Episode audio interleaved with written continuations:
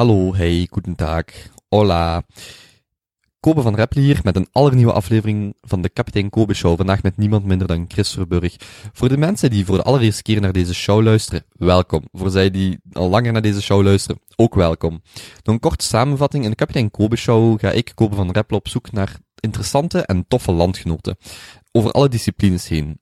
Dat kunnen topsporters, topambtenaren, toppolitici, topondernemers, topcreatievelingen, wat dan ook, wie dan ook zijn, man, vrouw, klein, groot, dik, dun, jong of oud. Ik denk dat er in België en ook Nederland enorm veel interessante mensen met een heel interessant verhaal rondlopen en het is aan mij om hun verhaal te brengen. Vandaag aflevering 10 van de Kapitein Kobe Show en de aanleiding voor Chris Verburg is eigenlijk als volgt. In 2014 heb ik eindelijk de knop kunnen omdraaien om zelf eens wat gewicht te verliezen, gezonder te gaan leven. Dat was niet per se via de voedselzandloper, alhoewel dat mijn filosofie wel een aantal uh, raakvlakken heeft met zijn filosofie. Maar als iemand die, als ik uh, in mijn show onderzoek wil doen of met mensen spreken over gezondheid, dan komt de mens al vrij snel in contact met Chris Verburg. Chris Verburg is eigenlijk vooral in Nederland vrij bekend, ook wel in België. Hij schreef een boek, De Voedselzandloper, heeft daar zijn eigen website rond, zijn eigen presentaties, zijn eigen keynote speeches. En als centraal thema heeft hij zowel de voeding, maar ook het, langere leven aspect. En dat is vooral waar ik in dit interview dieper op in wil gaan. Want er zijn 101, nee, 1001, 10.001 formules, strategieën, plannetjes om gewicht te verliezen, wat dan ook via nog veel meer methodes, maar eigenlijk is dat niet, niet zo relevant. Met Chris wil ik op zoek gaan naar de manier of de reden waarom dat hij zijn boeken schreef, waarom hij dat hij doet wat dat hij vandaag de dag doet, want vergeet niet, Chris is nog altijd maar 29, nog geen 30. Dus wat best wel tof is, dat, je, dat hij op die jonge leeftijd toch zo'n traject heeft kunnen afleggen. Hij geeft regelmatig presentaties over kwalitatief vol langer leven en dat is een beetje de kapstok waaraan ik dit gesprek ook wil ophangen. Leuk nog om te zeggen op het einde van het gesprek, want tijdens mijn interviews probeer ik eigenlijk altijd mijn eigen mening er zoveel mogelijk buiten te houden. Ik stel wel vragen die um, af en toe rechtstreeks een impact hebben op mijzelf of een, of een reflectie zijn van mijzelf. Maar op het einde van het gesprek heb ik hem ook gewoon gezegd van kijk, uh, ik vind het leuk om met mensen zoals u te spreken. Niet zozeer omdat ik uw mening volledig volg, want dat zou jammer zijn, want dan zou ik alleen maar uh, een uur lang zitten ja knikken, maar vooral omdat er op een objectieve manier kan gediscuteerd worden over verschillende uh, filosofieën of denkpatronen binnen de voeding. En helemaal op het einde hebben Chris en ik dan nog een, een, een kwartier of twintig minuten over mijn persoonlijke situatie gesproken. Het ging een beetje over vlees, rood vlees, over langer leven. En ik vond dat best leuk. Ik heb het hem gevraagd. Ik ga dit teeltje er gewoon bij publiceren. Dus uh, voor iedereen, de opbouw is als volgt. We gaan ongeveer een uur algemeen over Christerburg, zijn passie en het optimaliseren van, van uw levenskwaliteit spreken. En helemaal op het einde is er eigenlijk een soort van uh, persoonlijke sessie. Dus voor de mensen die, die een soort dieet, een voedingspatroon volgen, wat ik volg, of die gewoon zelf voor, de, voor het grote moment staan om hun leven om te gooien, op voedingsniveau dan. Um, luister er zeker naar. En uh, ja, ik hoop, ik hoop dat, je, dat je er iets uh, aan hebt. Goed, dan ga ik het hierbij houden. Chris Verburg, www.kapiteinkobe.be slash Chris of slash Chris V. Dan kom je bij het artikel dat hierbij hoort. En dan wens ik je heel, heel veel plezier Feedback en kritische opmerkingen zijn altijd welkom via kobat.kapiteinkobe.be. Dan krijg je sowieso ook nog een, een antwoord. Het is heel leuk om ja, gewoon berichtjes van mensen te krijgen die, die er iets aan hebben of die de moeite nemen om, om ja, te communiceren. Goed, hierbij laat ik het. Heel veel plezier met Chris Verburg. Ciao! Chris Verburg, voor degenen die u nog niet kennen, um, kan u kort toelichten wie eigenlijk Chris Verburg is en waar de mensen, de gewone mensen in de straat Chris Verburg tegenkomt? Wel, uh, eerst en vooral, ik zal uh, kort zeggen, ja, ik ben uh, 29 jaar oud. ik ben van opleiding arts. Ik doe onderzoek aan de Vrije Universiteit van Brussel naar veroudering. Uh, waarom wij dus ja, ouder worden en sterfelijk zijn en hoe dat we, als we die verouderingsmechanismen begrijpen, beter kunnen, uh, laten we zeggen, voedingsrichtlijnen opstellen, uh, aan, preventie, aan preventie doen of preventieve geneeskunde kunnen doen. En verouderingsziektes zoals hart- en vaatziektes, type 2 diabetes of Alzheimer en Parkinson kunnen, laten we zeggen, het risico daarop verminderen en eventueel, als ze toch plaatsvinden, hoe dat we die ziektes beter kunnen begeleiden. Uh, nu, ja, en natuurlijk, uh, laat ik zeggen, van kleins af aan ook altijd enorm geïnteresseerd in, in geneeskunde op zich, uh, ook in wetenschap. en ja, altijd veel gelezen uiteindelijk. Dus, dus vandaar is kort iets over mezelf. En dat was de tweede vraag, als ik het goed verstond, van uh, waar dat u mij zou kunnen vinden. Of, Inderdaad, waar een, ja. waar een gewone mens u nog alles tegenkomt. Ja, wel, dat hangt er wat vanaf. Het is een beetje overal aan de, aan, de, VUB, maar ook als ik een lezing geef. dus vandaar, dus hangt, er, hangt er een beetje vanaf op het tijdstip van de dag waar mm -hmm. ik mij bevind. U zegt net uh, dat, u, dat u altijd graag gelezen heeft. Uh, u heeft op uw 16 uw eerste boek geschreven, op uw 21ste uw tweede boek. Hoe was echt een, een schrijfmicrobe die u had? Wel, ik heb uh, altijd de, de, drang gehad om als ik iets interessants te weten kom of verneem, om dat te delen met andere mensen. Dus ik heb een, toch wel een sterke drive om, om dingen te vertellen. En vooral een grote nieuwsgierigheid, maar ook dan ook een drive om, om dat mee te delen aan uh, andere mensen. Uh, dus ik denk dat daar eigenlijk uh, dat, dat schrijven vandaan komt. ik heb ook het geluk gehad dat ik heb leren typen toen ik nog heel jong was. Hè. Mijn ouders hadden mij toen dat ik acht jaar oud was ingeschreven voor een typecursus. Dat was toen nog vrij ongebruikelijk om dat te doen. en ik heb dat gevolgd. Het gevolg is dat ik heel snel ook kan typen, bijna even snel als ik spreek. Dus dat maakt het schrijven ook heel, heel gemakkelijk, heel vlot. Uh, dat maakt soms dat ik op heel korte termijn een, een boek kan schrijven. Uh, en ja, dat is, laten we zeggen, nieuwsgierigheid gecombineerd met een drang om te vertellen. Dat maakt dat ik ja, nu mijn vierde boek heb geschreven. Ja. En, en behalve boeken schrijft u ook um, brieven, heb ik gelezen. Dear Darwin, een, een brief naar Darwin. Um, zijn ook, um, voor degenen die, die het nog niet kennen, als ik het goed begrijp, was dat een, een soort van, van ode Darwin, die u samen met andere schrijvers en prominent heeft geschreven? Ja, dat klopt. Dat is een boek uh, dat ter ere van de 200ste verjaardag van Darwin uh, werd gepubliceerd, waar dat allerlei artsen, wetenschappers, uh, filosofen, politici, Nobelprijswinnaars een soort van brief aan, aan Charles Darwin schreven, de bedenker van de evolutietheorie, een van de grootste wetenschappelijke inzichten ooit. Hè. Als, er, er drie interessante wetenschappelijke inzichten zijn die onze kijk op onszelf en de werkelijkheid totaal hebben veranderd, dan is het Charles Darwin die aantoonde dat eigenlijk ja, al die diversiteit van leven dat dat verklaard kan worden zonder een opperwezen nodig te hebben. Dankzij een proces dat we evolutie noemen. En een andere interessant inzicht trouwens is, is ook het feit, hè, is de kosmologie, dat wij op een kleine planeet wonen in een gigantisch universum. En een derde interessant inzicht is misschien ook eh, de neurobiologie, waar dat, de, waar dat wij ontdekten in feite dat onze gevoelens, gedachten uh, en onze zintuigelijke indrukken en nog heel veel meer het gevolg zijn van die 100.000 miljard hersencellen onder onze hersenpan, of sorry, 100 miljard hersencellen onder onze hersenpan en de, duizenden miljarden de duizenden verbindingen tussen elke hersencel gemiddeld daartussen. Dus ja, maar inderdaad, dat, uh, daar heb ik uh, ook een brief geschreven aan uh, Charles Darwin ter ere van dat boek.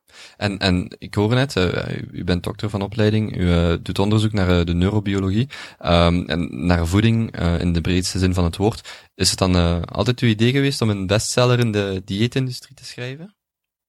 Wel, ik zou het niet echt een dieetboek noemen. Het is eigenlijk meer een boek uh, over veroudering en hoe dat, uh, de, of, de rol van voeding in het verouderingsproces. Dus het, het was eigenlijk nooit in mijn bedoeling om een, een, gezondheidsboek per se of een dieetboek te schrijven. Ook in mijn boek ben ik redelijk afkerig ten opzichte van diëten, omdat de meeste diëten vaak niet werken en zelfs ongezond zijn. Maar ik had inderdaad nooit verwacht dat het voedselzandloper dat dat zo'n succes ging worden.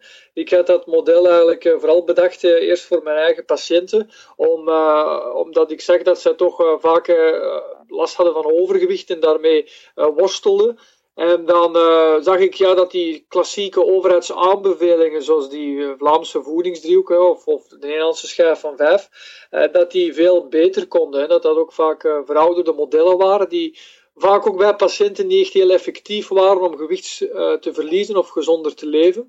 Dus uh, daarom had ik het idee opgevat om, om zo'n model te bedenken in de vorm van een zandloper, uh, dat uh, mensen kan helpen om betere voedingskeuzes te maken. En zo is dan uiteindelijk ja, ook, ook dat boek tot stand gekomen, omdat ik zag dat dat hielp bij patiënten. En dan dacht ik van, ah ja, misschien kan ik dat toch ook eens in een boek gieten. het idee echt eigenlijk die voedselzandloper. -hmm. U had het net ook al aan, de schijf van vijf Nederland. U bent enorm populair en bekend in Nederland. Ik heb soms de indruk zelfs dat u daar nog, uh, nog populairder bent dan hier. Is dat inderdaad zo?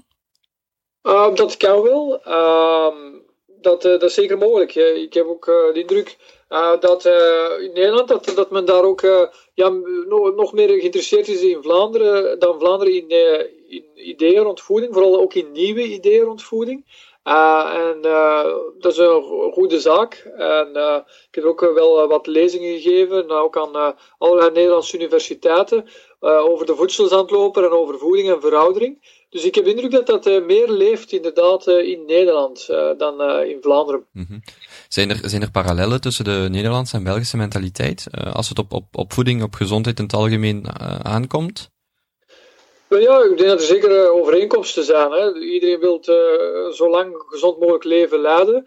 Uh, en iedereen gaat ook een beetje op, op zijn manier op zoek hè, hoe dat men dat kan bereiken. En we zien dat zowel in Nederland als in België mensen veel kritischer ook geworden zijn. Hè, ten, ten opzichte wat ze te horen krijgen van, van de overheid.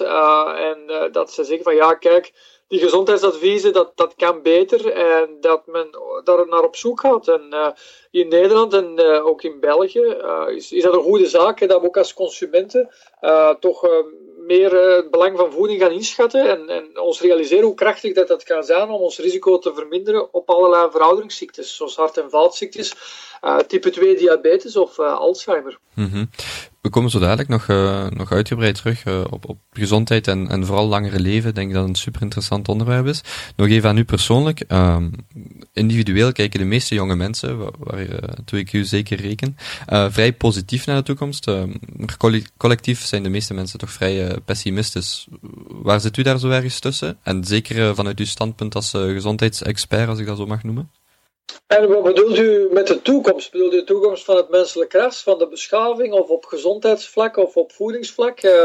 Als u, als u het algemeen mag trekken, vanuit uw standpunt van gezondheid, hè, dus de meeste mensen zeggen wel, oké, voor mijzelf zie ik het uh, individueel wel zitten, de toekomst, maar collectief um, zijn er bepaalde bedreigingen die, die wij als maatschappij aanvoelen. Um, zegt u van, ja, kijk, er zijn echt wel dingen die, die ik fout zie gaan, uh, persoonlijk in de volgende 10, 20, 30 jaar als collectieve maatschappij, als we op deze manier verder doen?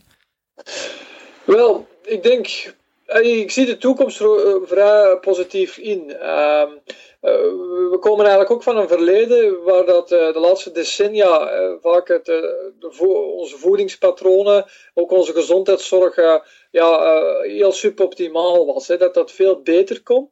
en we zien toch een tendens dat mensen meer bewust worden van de kracht van preventie, de kracht van voeding. Uh, en dat is wel een goede zaak, maar er is nog heel veel werk uh, voor de boeg. Uh, en, dus, maar ik zie, ik zie dat er wel veranderingen in zijn. En ik ben ook blij dat de, dat de voedselzandloper daartoe heeft bijgedragen. Omdat voor de voedselzandloper, hè, bijvoorbeeld was de schijf van vijf of de klassieke voedingsdriehoek, hè, die voedingsmodellen die de overheid aanbeveelt als, als de manier waarop we moeten eten. voor, voor mijn boek werden die als heilig een beetje beschouwd. Hè, als onaantastbaar, als het beste gezondheid gezondheidsadvies dat er is. En dankzij de zandloper is, is dat allemaal veel meer gerelativeerd geworden. En zijn mensen ook kritischer geworden. Gezegd van ja, die, die schijf van vijf of die voedingsdriehoek, dat kan toch veel beter. En uh, ook heel veel artsen gingen steeds ook meer belang te hechten aan, aan voeding in hun praktijk. en ook in de gezondheidszorg in het algemeen. Ook aan allerlei topuniversiteiten, zeker in de VS, ziet men dat dat veel meer begint te leven, preventie en dergelijke, via onder meer voeding en lichaamsbeweging en levensstijl in het algemeen. Dus ik denk dat dat uh, uiteindelijk wel een goede evolutie is. Uh, en, maar er is nog veel werk voor de boeg. Hè. uiteindelijk gaat er zeer veel geld van het budget gaat eigenlijk naar de behandeling van bepaalde ziektes. En, uh, er gaat eigenlijk heel weinig uh, geld naar preventie van die ziektes. Een fractie maar. En dat is eigenlijk een absurde situatie.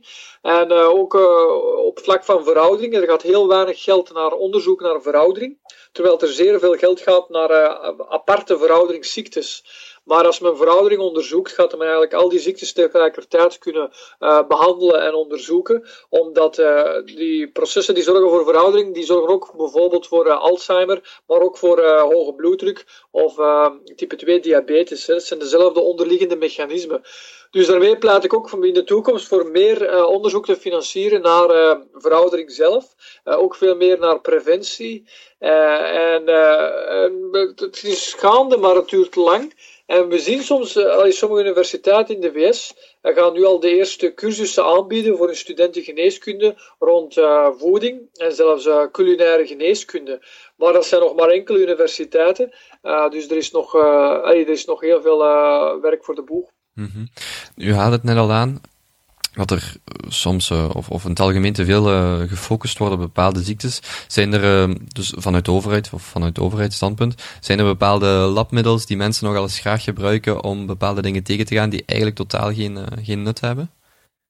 Wat bedoel je precies met die vraag, met labmiddelen? Wel, ik kan mij, ik kan mij voorstellen dat uh, iemand die bijvoorbeeld een, een ongezonde levensstijl, um, of ik zal het zo zeggen, een levensstijl die een, een langer en gezond leven tegenwerkt, dat hij dat bijvoorbeeld goed praat met Um, een pintje, eentje is er eentje. Um, een koffiekoek kan geen kwaad. Zo dat soort dingen zijn er bepaalde misconcepties die mensen hebben waar ze misschien het gevaar um, niet inschatten of bepaalde labmiddeltjes, zoals ik eet een pizza, maar daarna een paar, uh, een, paar bosbessen, een paar antioxidanten, dingen die overroepen worden, dingen waarvan u zegt, well, kijk, dat kom ik heel vaak tegen bij patiënten, dat ze denken dat ze daarmee wel de goede weg inslaan, maar eigenlijk waar we onszelf voor de gek houden. Er zijn er heel veel. Uh, een gekend voorbeeld is bijvoorbeeld speldbrood. Hè. Dat, uh, dat heeft vaak de naam om uh, veel gezonder te zijn dan gewoon brood. Maar uiteindelijk speldbrood, dat is ook een soort van tarwebrood. Hè. Dat is een iets oudere variëteit. En dat veroorzaakt ook nog ja, hoge suikerpieken hè, in je bloed. En we zien dat die suikerpieken het verouderingsproces versnellen en een risico verhogen op allerlei verouderingsziektes. Dus, uh, dus gewoon tarwebrood vervangen door spelbrood is, is niet per se zoveel gezonder. Uh, er zijn inderdaad ook een ander voorbeeld, zijn multivitamine, hè, voedingssupplementen. Dat mensen denken van ja, ik, ik slik mijn uh, voedingssupplementen en dan kan ik ja, ongezond blijven verder eten. Dat, zo werkt het niet, hè, omdat een voedingssupplement dat levert maar enkele vitamines en mineralen aan. Terwijl we weten dat in, in een stuk groente er honderden, zo niet duizenden stoffen zitten die ook uh, heel belangrijk zijn voor onze gezondheid en die je dus niet in een voedingssupplementenpil kan stoppen. Uh, of die pil zou uh, uiteindelijk een halve kilo moeten wegen aan al die stoffen en aan vezels enzovoort. Dus uiteindelijk ehm, ja, zijn er veel voorbeelden zo. en dat, dat mensen soms ja, zichzelf een beetje proberen te troosten of iets zelf een beetje wijs maken. Natuurlijk is het ook belangrijk dat, dat we dat ook ergens op een zekere op een of andere manier respecteren. Hè. Dus de bedoeling is niet dat we hier eh, met het vingertje de, de, gaan wijzen en de gezondheidspolitie eh, zouden uithangen. Dat werkt ook niet. dus af en toe kunnen mensen zeker eens genieten van, van iets wat ongezonder. wat ik probeer eigenlijk vooral duidelijk te maken is als men zich baseert op de grote lijnen, betreffende gezonde voeding en men kan die 80, 90 procent van de tijd volhouden, dat dan uh, af en toe uh, dat er wel eens uh, wat ongezonder kan gegeten worden enzovoort. uiteindelijk is iedereen zelf zo vrij om, om daarin zo ver te gaan als hij of zij wil. Mm Stel, ik, um, ik, ik weet van mijzelf dat ik uh, een bepaald voedingspatroon heb en ik wil daar verandering in brengen. Um, hoe, hoe begin ik aan, aan zoiets? Doe ik, ik zeg maar iets, eerst een bloedonderzoek om mogelijke tekorten, tekorten te ontdekken? Of, of gooi ik mijn voeding van vandaag op morgen om? Hoe, hoe zal u als arts uh, een, patiënt daarin begeleiden? Ja, natuurlijk een voedings, uh, of laten we zeggen, een bloedonderzoek, dat dat kan soms nuttig zijn. Hangt een beetje af van de, de klachten, de voorgeschiedenis, uh, en medicatiegebruik enzovoort van de patiënt. Natuurlijk in veel voedingsadviezen, uh, of laat ik, laat ik het zo zeggen, veel bloedsonderzoeken, daar ga je weinig in terugvinden. Omdat een bloedsonderzoek is vaak pas afwijkend uh, als het zeer ernstig is. Dus als je daar afwijkingen ziet, betreffende bepaalde vitamines of mineralen, maar ook betreffende bepaalde eiwitten, ja, dan moet het al heel ernstig zijn. Uh, dus een bloedonderzoek maakt je daarom niet echt veel wijzer. Maar uh, het beste is gewoon om ja, je voeding te veranderen. en hoe sneller dat je met een gezond voedingspatroon begint, hoe beter. En dat, is, dat hoeft uiteindelijk niet echt zo moeilijk te zijn. Hè. Als je ook mensen vooral alternatieven geeft, waardoor dat ze dus ongezondere voedingsmiddelen kunnen vervangen door gezondere voedingsmiddelen, dan uh, blijkt dat niet zo moeilijk te zijn. Uh, uiteindelijk gezonde voeding, we weten eigenlijk al 10, 15 jaar uh, dat dat ongeveer drie principes behelst. ondanks alle tegenstrijdige berichten die continu rond voeding en diëten de, de wereld worden ingestuurd door de media, zien we dat eigenlijk drie belangrijke principes toch eigenlijk ehm, te onthouden zijn of, of nuttig kunnen zijn. Uh, wat gezonde voeding behelst. En dat is eerst en vooral minder koolhydraten, hè, dus minder, vooral minder snelle koolhydraten. Dat is dus niet enkel uh, minder uh, frisdrank, snoepgoed of andere zoetigheden, maar ook minder brood, aardappelen, pasta en rijst, omdat die ook opgebouwd zijn uit zetmeel. En dat is in feite niks, anders dan lange ketens van glucose. Tweede belangrijk principe is meer gezonde vetten. Dus uh, minder transvetten. Dus uh, je gaat de transvetten en uh, meer vervangen door gezondere vetten. Transvetten zijn vetten die zich bevinden in de ja, koekjes, industrieel gebak, kant-en-klare maaltijden, sommige margarines. Dat soort vetten ga je proberen te ver vermijden en die vervangen door gezondere vetten. Hè, zoals vetten in walnoten, olijven, olijfolie, avocado's, vette vis, noten, zaden, dat soort zaken. En een derde principe is dus meer gezonde proteïnebronnen. Dus uh, minder rood vlees. Uh, rood vlees is vlees afkomstig van een, uh, een koe, een paard, een varken en, en dergelijke schaap. En je gaat dat meer vervangen door wit vlees, zoals gevogelte, kip, kalkoen, of door vette vis of uh, door uh, plantaardige proteïnen. Hè. Dus uh, bijvoorbeeld broccoli bevat ook veel proteïne en noten en peulvruchten. Dus eigenlijk die eenvoudige principes en daarmee kan je eigenlijk aan de slag. En zeker als je mensen dan nog de alternatieven geeft, hoe dat ze die gezondere ongezondere voedingsmiddelen kunnen vervangen. en dan zijn ze zeker op goede weg. Mm. En, en u haalt bijvoorbeeld rood vlees aan, uh, net gelijk de, de, de, um, de, discussie over cholesterol bij eieren, ook zo'n discussie van, als ik zelf mijn, uh, mijn, uh, mijn onderzoek een beetje probeer te doen, waar enorm veel mening over zijn. Um, wat is exact het nadelige effect van rood vlees? Of waarom raadt u af om rood vlees in grote mate te consumeren? Ja, er zijn uh, omwille van verschillende redenen. Uh, eerst en vooral zien we in heel veel onderzoeken, zowel bij dieren als bij mensen, dat als je veel dierlijke eiwitten eet, uh, en rood vlees bevat uiteraard veel dierlijke eiwitten, dat dat veroudering versnelt. En dat, dat, maakt, dat komt eigenlijk omdat dierlijke eiwitten die hebben een bepaalde aminozuursamenstelling die allerlei, laten we zeggen, groeimechanismen in de cellen activeert.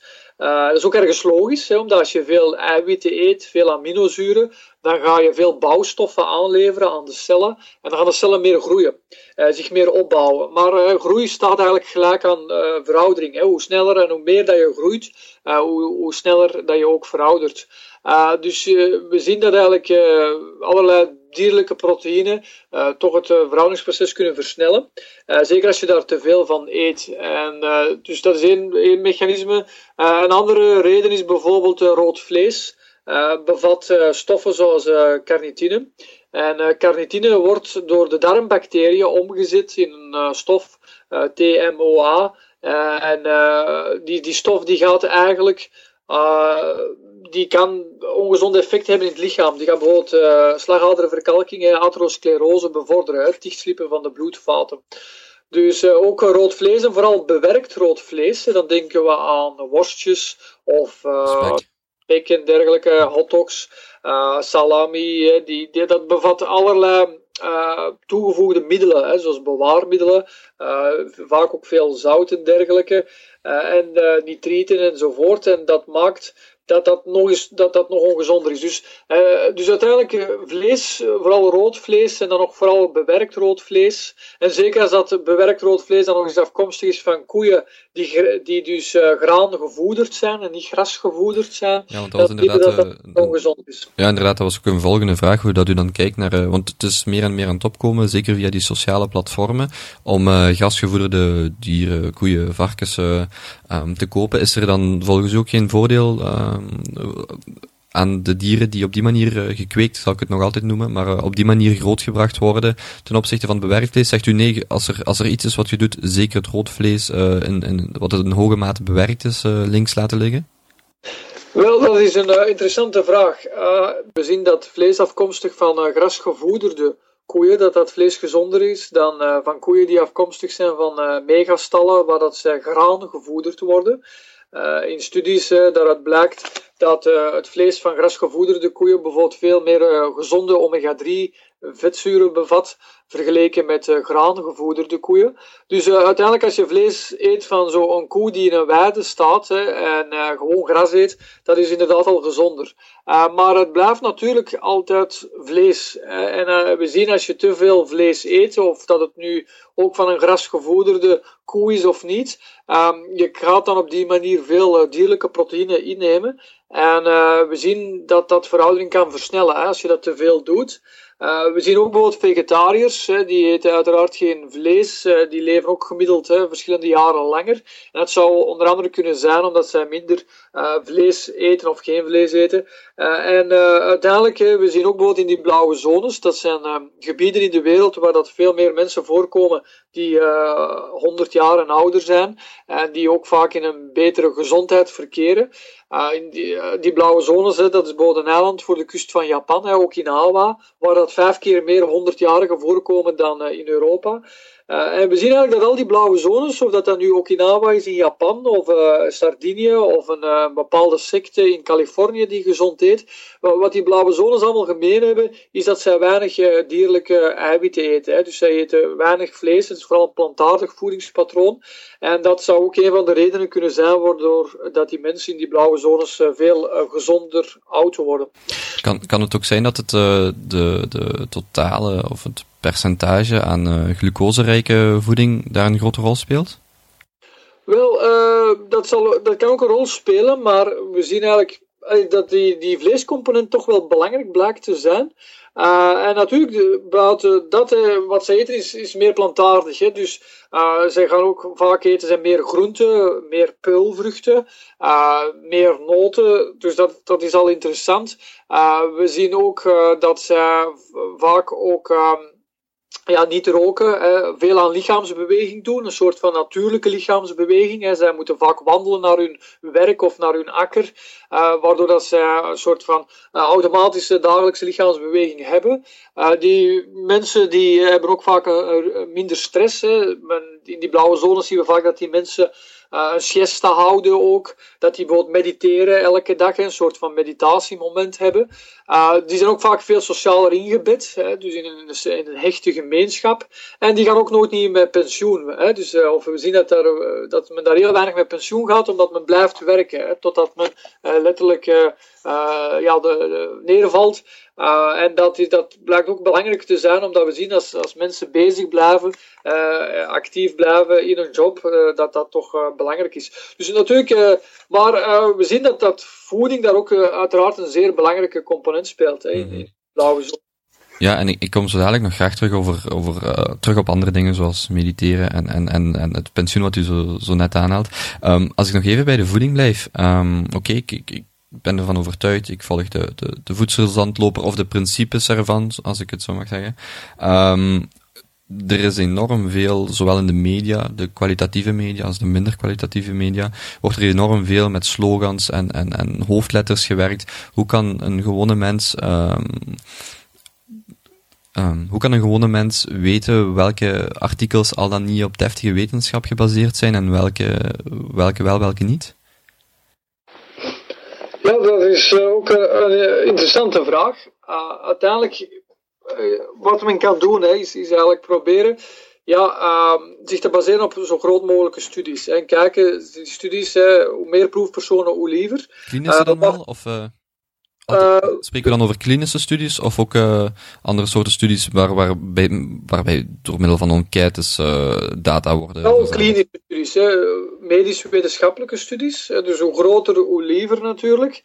en dat men ook kijkt naar de duur van die studies. Vaak heel veel studies die terechtkomen in de media, waar dat men bijvoorbeeld een bepaald dieet volgt en waardoor dat men dan gewicht verliest of, of zijn bloeddruk verlaagt. Dat zijn vaak maar voedingspatronen die enkele weken duren. En we zien in feite op lange termijn dat zo'n dieet niet vol te houden is of, of zelfs ongezonde effecten kan hebben. Hè. Nagenoeg elk dieet gaat u in het begin altijd een beetje gewicht doen verliezen, uh, hoe ongezond dat dieet ook mag zijn. Dus kijk zeker ook naar de duur van de studies. Is dat maar een paar weken, een paar maanden, dat is zeer kort. Uh, ideaal zou een studie vele jaren moeten duren hè. en dat, dat is al veel zeldzamer. Uh, kijk ook vooral, ja, baseer je vooral ook op studies afkomstig van, van heel gekende, gereputeerde universiteiten, zoals Harvard, Yale, Stanford.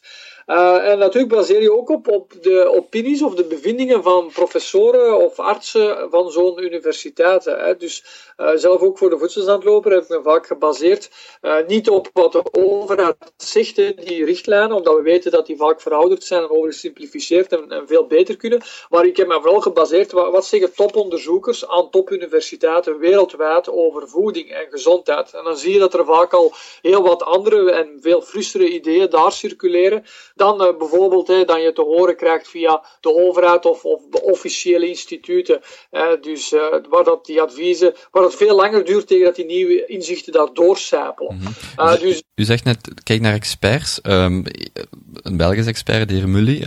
hoe kijkt u daar bijvoorbeeld naar?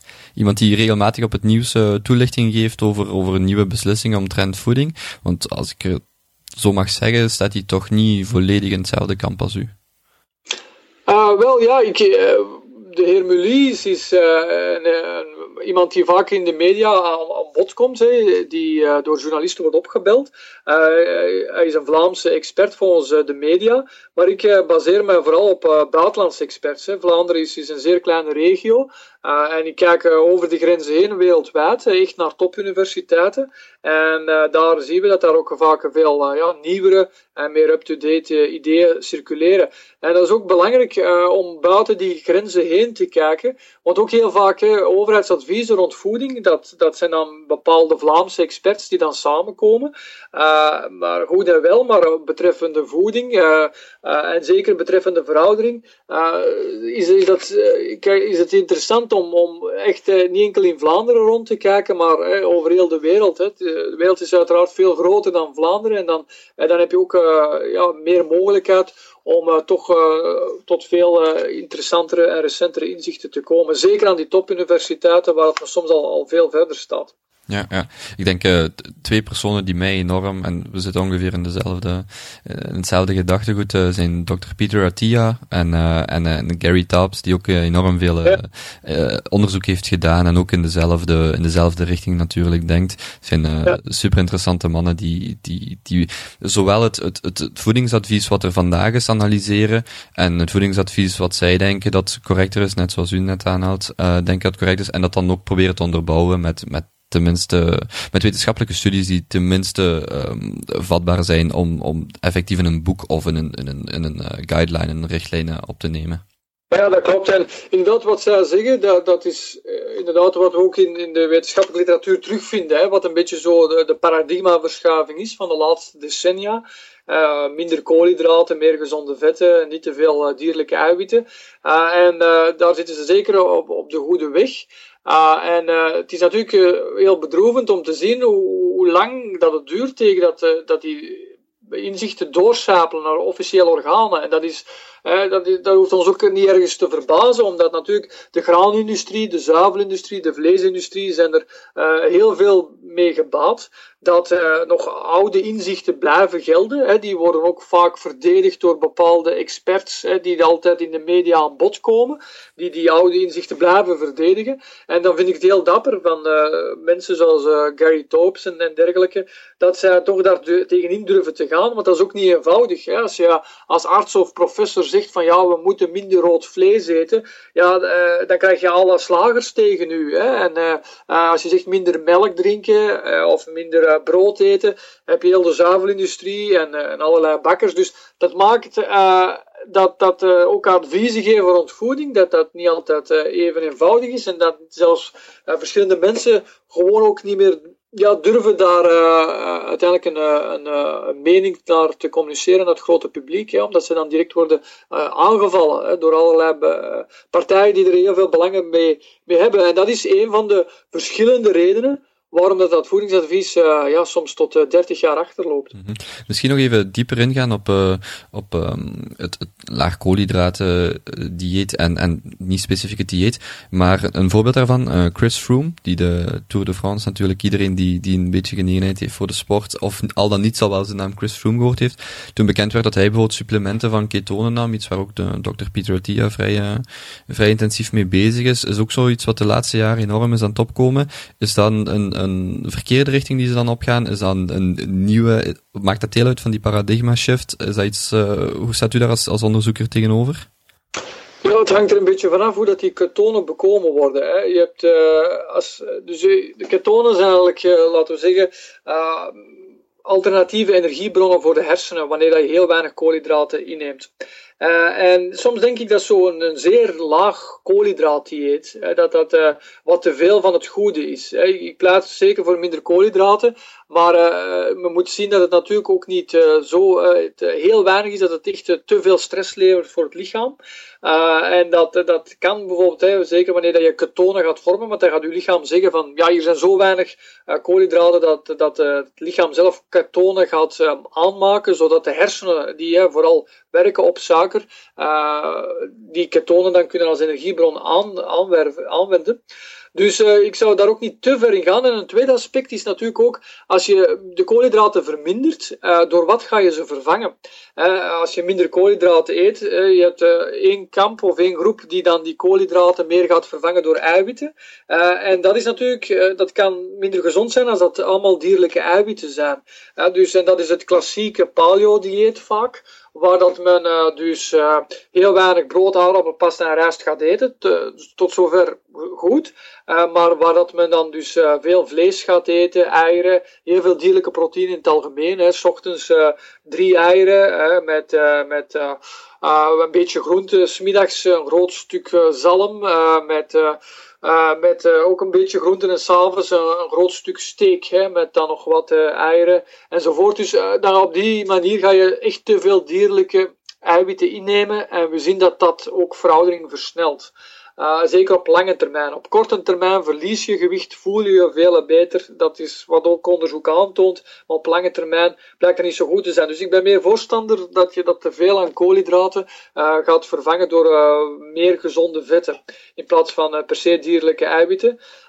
dus dat we gaan naar een soort van niet low carbohydrate, low fat diet. Maar meer een, gewoon een lower carbohydrate en uh, higher fat diet. Dus wat, wat minder koolhydraten en wat meer gezonde vetten. Heeft u daar een procentuele verdeling voor? Ja, dat, is, dat hangt er natuurlijk... Zonder, zonder natuurlijk te generiek, want inderdaad, eh, ik, ben, ja. ik ben 24, een luisteraar is 30, de andere is 65, met een totaal andere metabolische werking. Het is natuurlijk moeilijk om daar, om daar een generiek advies of, of antwoord op te geven, maar kan u daar een ja. richting in geven? Je kan er wel een richting in geven. We zien in het Westen, eigenlijk volgt het Westen een hoog koolhydraatdieet. Dat wil zeggen dat 50 tot 60 procent, soms meer, van onze koolhydraten, of van onze calorieën, dat, eh, dat zijn koolhydraten. En dat is natuurlijk wel veel, dus ik zou ervoor pleiten om die 50, 60 procent aan koolhydraten uh, te verminderen tot ongeveer 40% bijvoorbeeld, 35%. Uh, en dan de hoeveelheid vetten wat te verhogen, van, van in de 30 tot laten we zeggen 45%. Uh, 50%. Er zijn sommige culturen die, die 60% vetten innemen en, en, en, desondanks toch geen verhoogd risico hebben op hart- en, en omdat het belangrijk is dat je gezonde vetten inneemt en dat, dat verhoogt niet je risico op hartaanvallen. Dus, dus dat we, en, en de rest natuurlijk proteïne, dat de proteïneinname, ja, dat die ergens schommelt rond de 15%. Dat is prima, maar dan uh, toch uh, zeker niet meer dan 20% van je totale calorieën dat dat proteïne zijn. Mm -hmm. uh, liefst 15%, 10%. En dat die proteïnen dan vooral ook van plantaardige oorsprong zijn. Dus noten, peulvruchten, broccoli, zaden en dergelijke. En, en minder van dierlijke oorsprong. Mm -hmm. Omdat die dan weer het verouderingsproces negatief beïnvloeden. Of ja, positief beïnvloeden. Inderdaad. Ja. Um, in, in uw boek over veroudering schrijft u over de, de rol van suikerverbindingen. Um, ik zelf vind het super interessant dat uh, vanaf een bepaalde leeftijd, zoals we het al, wel al aangehaald hebben, bepaalde ziektes zoals kanker de, de, en de cardiovasculaire ziektes, de neurodegeneratieve ziektes zoals Alzheimer en zo, um, dat die een enorme, eigenlijk, eigenlijk praktisch iedereen sterft aan, aan een van die ziektes, of uw kans is heel groot. Um, en in uw nieuw boek schrijft u dan over de rol van, van suikerverbindingen. Kan, kan u dat toelichten? De rol van, van bijvoorbeeld glucose, de rol van voeding, um, vooral in het kader van, oudering, uh, van het verouderingsproces en dat tegen te gaan? Mm. Een van de redenen waarom wij ouder worden, is eigenlijk door uh, suikerkrosslinks. En suikerkrosslinks zijn verbindingen die ontstaan in onze weefsels. Hè. Die gaan uh, de onderdelen van onze weefsels meer aan elkaar lijmen. Uh, meer specifiek, zo'n crosslink is eigenlijk een suikermolecule die een uh, verbinding vormt tussen de eiwitten die onze weefsels uh, opbouwen. en als die eiwitten, bijvoorbeeld collageen-eiwitten die de huid opbouwen, als die gecrosslinkt worden, dus er gaan allemaal suikerverbindingen tussen ontstaan, dan gaan die collageen-eiwitten meer aan elkaar plakken. En in, in zijn geheel wordt dat weefsel stijver uh, wordt het minder flexibel en uh, daardoor krijgen we bijvoorbeeld rimpels. Hè. Dus dat is een, een huid die wordt gecrosslinkt eigenlijk door die suikers. Hè. Dat is een van de redenen waardoor dat de huid uh, rimpels vormt. maar ook die crosslinks of die suikerverbindingen, die bouwen zich op in de, in de bloedvatwand, waardoor dat die bloedvatwand veel starder wordt. Hè. Die wordt meer stijf, waardoor dat de bloeddruk kan stijgen. Ook iets typisch wat we zien in het Westen. Uh, twee derde van de 65-plussers heeft een hoge bloeddruk. We zien sommige culturen die veel minder snelle suikers tot zich nemen, dat uh, de hoge bloeddruk daar veel minder voorkomt. Hè. Dat mensen bijvoorbeeld van 80 jaar daar nog een bloeddruk hebben van iemand van in de 20. Maar in het Westen is dat vaak spijtig genoeg niet het geval. En die suikercrosslinks van, uh, in de bloedvatwand spelen daar ook een rol in. En die suikercrosslinks zorgen ook bijvoorbeeld voor uh, cataract. Hè. Dus als die zich opbouwen in de ooglens, dan gaan de eiwitten in die ooglens uh, samenklonteren. Omdat er allemaal verbindingen, die suikercrosslinks tussen ontstaan, waardoor dat je dus een troebele ooglens krijgt of cataract. Maar ook bijvoorbeeld in de urineblaas, als die gecrosslinkt wordt, versuikerd, bij het ouder worden, dan wordt die ook stijver. waardoor dat mensen bijvoorbeeld sneller aandrang krijgen om te gaan plassen. Verschillende malen in de nacht. ook iets wat we typisch zien bij het ouder worden. Dus die suikercrosslinks uh, zijn, uh, die spelen ook een, een, een, rol in het verouderingsproces. Spelen die ook een rol bij, de, bij um, het kankeronderzoek, wat, uh, wat momenteel ook de rol van glucose en bijvoorbeeld de groei van kankercellen, waardoor dat die exponentieel, nee, niet exponentieel, maar een, een, een hoog tempo blijven groeien. Heeft dat daar ook mee te maken? wel, suiker sowieso dat, dat kan zeker een rol spelen in het versnellen van de kankergroei. Uh, natuurlijk op twee manieren. Hè. Die crosslinks, die, kunnen, die suikercrosslinks kunnen ontstaan in de, ook uh, de weefsels uh, of, of laten we zeggen de, de stoffen die zich bevinden rondom de cellen.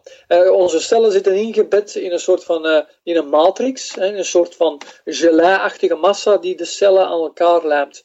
En als die gelei-achtige massa te veel versuikerd wordt, gaat die minder goed functioneren, gaat, die, gaat uiteindelijk die, die matrix uh, minder stabiel zijn. En dan kunnen bijvoorbeeld kankercellen uh, sneller uitzaaien. En dat is uh, ook dat is zeer gevaarlijk. Hè? Want als de kanker uitzaait, dan verspreidt hij zich over het hele lichaam. En dat, dat maakt die, die kanker zeer dodelijk. dus dat is meer een rechtstreeks effect. ook crosslinking of versakering van bijvoorbeeld witte bloedcellen die gaat ervoor zorgen dat die witte bloedcellen uh, minder goed hun werk kunnen doen. Hè, omdat die versakering zorgt dat die minder goed kunnen functioneren. En dat is belangrijk, want die, die witte bloedcellen, dat zijn onderdelen van het immuunsysteem. En die, uh, onder, uh, die, het immuunsysteem ruimt kankercellen op. Hè, zeker kankercellen die net zijn ontstaan. Elke dag ontstaan er in ons lichaam kankercellen, maar die worden gelukkig opgeruimd door het immuunsysteem. Maar als die immuuncellen ja, versakerd zijn, dan gaan die minder goed hun werk kunnen doen. Uh, ook als gewone cellen meer versuikerd zijn, dan gaan die ook minder goed functioneren. Dat is uh, ook allemaal op zich niet zo goed. Uh, natuurlijk, suiker heeft ook een ander effect op, op kanker. En dat is dat suiker wordt vaak, die zorgt voor groei. het is een energiebron. En als cellen meer kunnen groeien dankzij die energiebron, kunnen ze ook spontaner ontaarden, bijvoorbeeld in kankercellen. En kankercellen zijn zelfs heel dol op suiker om te kunnen groeien via een effect dat men ook het Warburg-effect uh, noemt, het Warburg-effect, van, uh, wat eigenlijk wil zeggen dat kankercellen zeer afhankelijk worden van, van suiker om, om te kunnen blijven voortbestaan. Is, is, het omgekeerd dan ook waar? Kan een kankercel metabolisch afgebroken worden of vertraagd worden door uh, glucoseinname te beperken? Wel, er zijn inderdaad wel wat studies naar gebeurd en, en we zien inderdaad dat zoiets in theorie zou zeker kunnen. als je dus een voedingspatroon eet met minder snelle suikers, dat dat dus de kankergroei kan afremmen. Uh, en dat uh, ideaal zou dat een voedingspatroon eigenlijk zijn met niet enkel minder snelle suikers, maar ook uh, minder dierlijke proteïne hè, of aminozuren. Omdat kanker is dol op snelle suikers om te groeien, die het kan aanwenden als energiebron. En de lever, zet, die, de lever zet die dan ook deels om, die, die, die overdaad aan proteïne in, in glucose voor die kankercellen? ook bijvoorbeeld. maar natuurlijk ook die proteïne die we op, hebben opgegeten, die worden omgezet in aminozuren, waaronder glutamaat, uh, of sorry, glutamine. En glutamine is eigenlijk ook uh, een aminozuur waar het kanker dol op is. dus dat kan eigenlijk dat glutamine direct in zijn Krebscyclus, in zijn energiemetabolisme gebruiken, om dus te kunnen blijven voortbestaan. Dus, maar uiteindelijk, ja, we zien dat bepaalde voedingspatronen met minder snelle koolhydraten en met minder eiwitten uh, in allerlei proefdieren bijvoorbeeld uh, de kankergroei drastisch kunnen afremmen. En uh, ook bij mensen zien we dat ook gelijkaardige zaken kunnen gelden. -hmm. Het is natuurlijk moeilijker om, om testen, een bepaalde test met, met apen geloof ik ook. Het is gemakkelijker om zo'n test bij dieren te doen als bij mensen, want uit, uit, uiteraard is het moeilijker om, om de, de werking van een kanker natuurlijk bij echte levende objecten of, of subjecten te testen. Um, ik zou graag even weggaan van, uh, van de voeding in, uh, in de rol van voeding in de gezondheid en een paar andere factoren of uw mening daar rond vragen. Bijvoorbeeld, um, iets wat volgens mij heel veel ontzien wordt, is uh, de rol van slaap. En in hoeverre dat slaap een, gezonde, een gezonde levensstijl kan ondersteunen. Wat, wat is uw gedachte daarover? Slaap is heel belangrijk hè, voor, voor uw gezondheid. Het wordt vaak onderschat in het Westen. Uh, maar slaap heeft een duidelijke fysiologische of, of, medische functie eigenlijk. Het is niet enkel nodig om, om de kennis die we overdag hebben geleerd, hè, om, om die beter te kunnen verwerken en, en stockeren, maar ook eigenlijk, uh, het speelt een rol in, in uw metabolisme, uw immuunsysteem, uh, en, en allerlei andere, laten we zeggen, orgaansystemen in het lichaam worden eigenlijk beïnvloed hè, door, door slapen en, en slaaptekort. En we zien bijvoorbeeld mensen als zij gevaccineerd worden en zij hebben dan die nacht vier, vier uur slaaptekort, dat zij bijvoorbeeld veel minder antistoffen maken tegen dat vaccin. we zien ook bijvoorbeeld dat mensen die minder slapen of die op het verkeerde moment slapen, bijvoorbeeld de mensen die nachtshift doen veel, dat die meer risico hebben op metabole ziektes, zoals overgewicht en type 2 diabetes. Uh, we zien dat ook bijvoorbeeld bij muizen ook. Hè, als je het, het circadiaans ritme, dus het dag-nachtritme omkeert en uh, muizen laat eten wanneer dat ze moeten slapen en omgekeerd, dan uh, hebben die muizen veel hoger risico op diabetes en overgewicht. Um, en natuurlijk ook slapen dient ook, is echt nodig om, om bijvoorbeeld uh, de hersenen of hersenveroudering af te remmen. En we zien ook bijvoorbeeld mensen die een slaaptekort hebben, dat die een hoger risico kunnen hebben op, op niet enkel depressie, maar ook bijvoorbeeld op Alzheimer. En we zien bijvoorbeeld in een, in een van de functies van de slaap, is dat, dat de slaap ervoor zorgt dat de hersenen zich kunnen opruimen. Hè? Dat ze zich als het ware de afvalstoffen die zich overdag opstapelen, door uh, die 100 miljard hersencellen die knetteren onder onze hersenpan, uh, door die afvalstoffen uh, op te ramen. En dat gebeurt onder andere door vocht, letterlijk door de hersenen te pompen. Dus dat is het cerebrospinaal vocht, dat is eigenlijk het ruggenmergvocht, en dat gaat via het ruggenmerg, hè, gaat dat naar de hersenen, en wordt dat door de hersenen gestuurd. En we zien bijvoorbeeld bij de, tijdens de slaap gaat er dubbel zoveel circulatie zijn van dat uh, hersenvocht. Hè. En dat vocht gaat eigenlijk al die afvalstoffen, vooral uh, op uh, samengeklonterde proteïnen, kunnen afvoeren. en waardoor de hersenen als het ware echt schoongeveegd worden. En die proteïne samenklontering, dat is belangrijk, want we zien een andere reden om, waarom wij ouder worden, is door proteïne samenklontering. En in en rondom onze hersencellen. En we zien bijvoorbeeld dat slaap ervoor zorgt dat die proteïne samenklontering dus wordt opgeruimd. Dus slaap is zeker heel belangrijk. -hmm. een, een volgend thema, en heb het hier zo geschreven, de rol van sport, maar ik bedenk mij net, um, over sport kunnen we, ik denk, uren aan een stuk babbelen. Um, misschien de, vraag daarom iets specifieker maken. Bent u, bent u eerder voorstander van aerobische activiteit, zoals uh, lange, lange, ja, marathon is misschien wel verdreven, maar lange termijn lopen, uh, het lichaam op een iets lager tempo um, uitputten of, of, of uh, onder stress zetten? Of bent u eerder fan van de, de anaerobische, de hoge intensiteit trainingen? Wel, beide, omdat je echt beide nodig hebt. Dus uh, je hebt eigenlijk hè, die aerobische training, zoals bijvoorbeeld uh, ja, lopen, zwemmen, uh, ook zelfs wandelen aan een wat sneller tempo, is zeer gezond voor hart- en bloedvaten, ook voor de hersenen. We zien mensen die zulke activiteiten doen, minstens drie keer per week een half uur, dat die bijvoorbeeld 60% minder kans hebben op Alzheimer, hè, volgens een studie die verscheen in, de, in Lancet Neurology.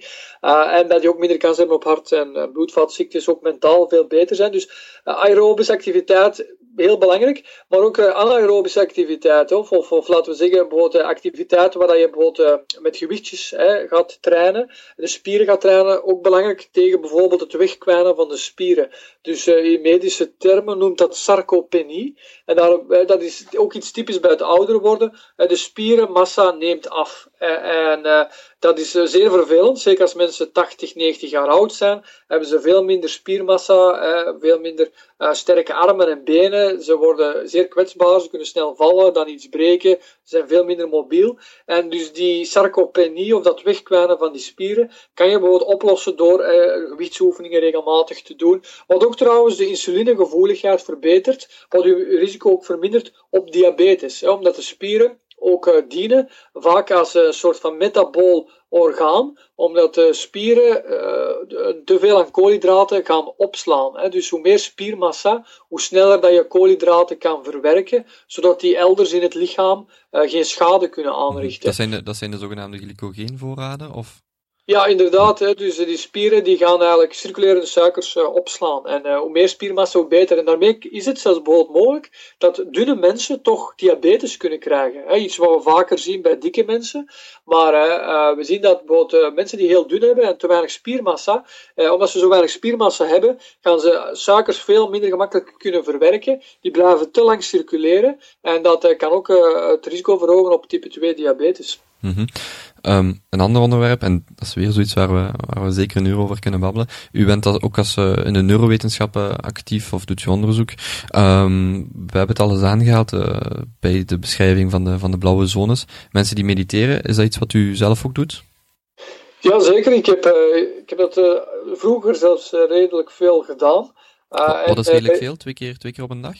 Uh, laten we zeggen elke dag, hè, één keer. Uh, dus, uh, dus toch alleen met een zekere consistentie. en soms ja, inderdaad twee keer. en dat heeft, dat heeft zeker een gezond effect, omdat je daar, laten we zeggen, je wordt er veel rustiger van. je wordt er ook kalmer van. het helpt ook bij de slaap. je bloeddruk daalt. je immuunsysteem verbetert ook bij meditatie. Uh, dus het heeft zeker nut. En er is een studie geweest hè, met enkel honderden proefpersonen die twee keer per dag mediteerden. En uh, men zag dat die 43% minder kans hadden om, uh, om te sterven. Hè. Dus minder kans hadden om een beroerte te krijgen of een hartaanval dankzij meditatie. dus die, die 43% minder kans wilde eigenlijk zeggen gedurende de duur van die studie. Uiteraard. Uh, gaan we ooit wel eens sterven? Je sterftekans is 100%. Maar die was dus 43% lager tijdens uh, de duur van de studie, vergeleken met mensen die dus uh, niet mediteerden. Dus het kan zeker nuttig zijn. Hoe, hoe bent u ermee begonnen? Ik vind trouwens, even tussendoor, het citaat, uh, uw sterftekans is 100%, vind ik, uh, hoor ik graag of andersom, uh, uw overlevingskans is 0%. ja, ja, dat klopt. Ja, er zijn, er zijn natuurlijk sommige mensen die zeggen van, ja, kijk, er zijn daar nog altijd drastische oplossingen voor. Mensen die daar heel extreem in zijn en die bijvoorbeeld zich laten invriezen, wat tegenwoordig ook allemaal kan. En dan zeggen ze van, is mijn sterftekans toch niet 0%, maar zelfs al is het een miljardste van een procent, dat ik toch later uh, terug kan uh, ontdooid worden en uh, heropgewekt kan worden. goed, dus, dus die 0% is debatteerbaar, maar inderdaad, hè, dus die overlevingskans is meestal heel laag alleszins, en in de meeste gevallen 0%. Um, ehm, maar hoe dat ik er zelf ben toegekomen, ja, uiteindelijk ook door te lezen over, over het nut van meditatie, en dan ook zelf dingen te doen. Uh, en uh, ja, dat heeft zeker uh, effect. Ik heb ook nog een thesis geschreven aan de universiteit over spirituele gedachten en meditatie in de hersenen, hoe dat, dat ontstaat. En ja, dat is ook een van de redenen waardoor dat ik het toch altijd uh, tracht te doen, hè, als, ik, als ik de tijd vind. Dat, dat klinkt niet correct, hè, dat je te druk hebt om te mediteren. Eigenlijk moet je er tijd voor maken, maar het kan, kan zeker nuttig zijn. -hmm. Ik heb nog een, een, een, tiental korte vragen waar u zo lang op mag antwoorden als u wilt, die ik u zeker nog gesteld wilt hebben um, voor het einde van het gesprek. Um, Eentje daarvan, en dat pikt in op, uh, op wat u net zegt van uw thesis, um, en een van uw andere uh, doelgebieden, is artificiële intelligentie. Gelooft u in een technologische singulariteit?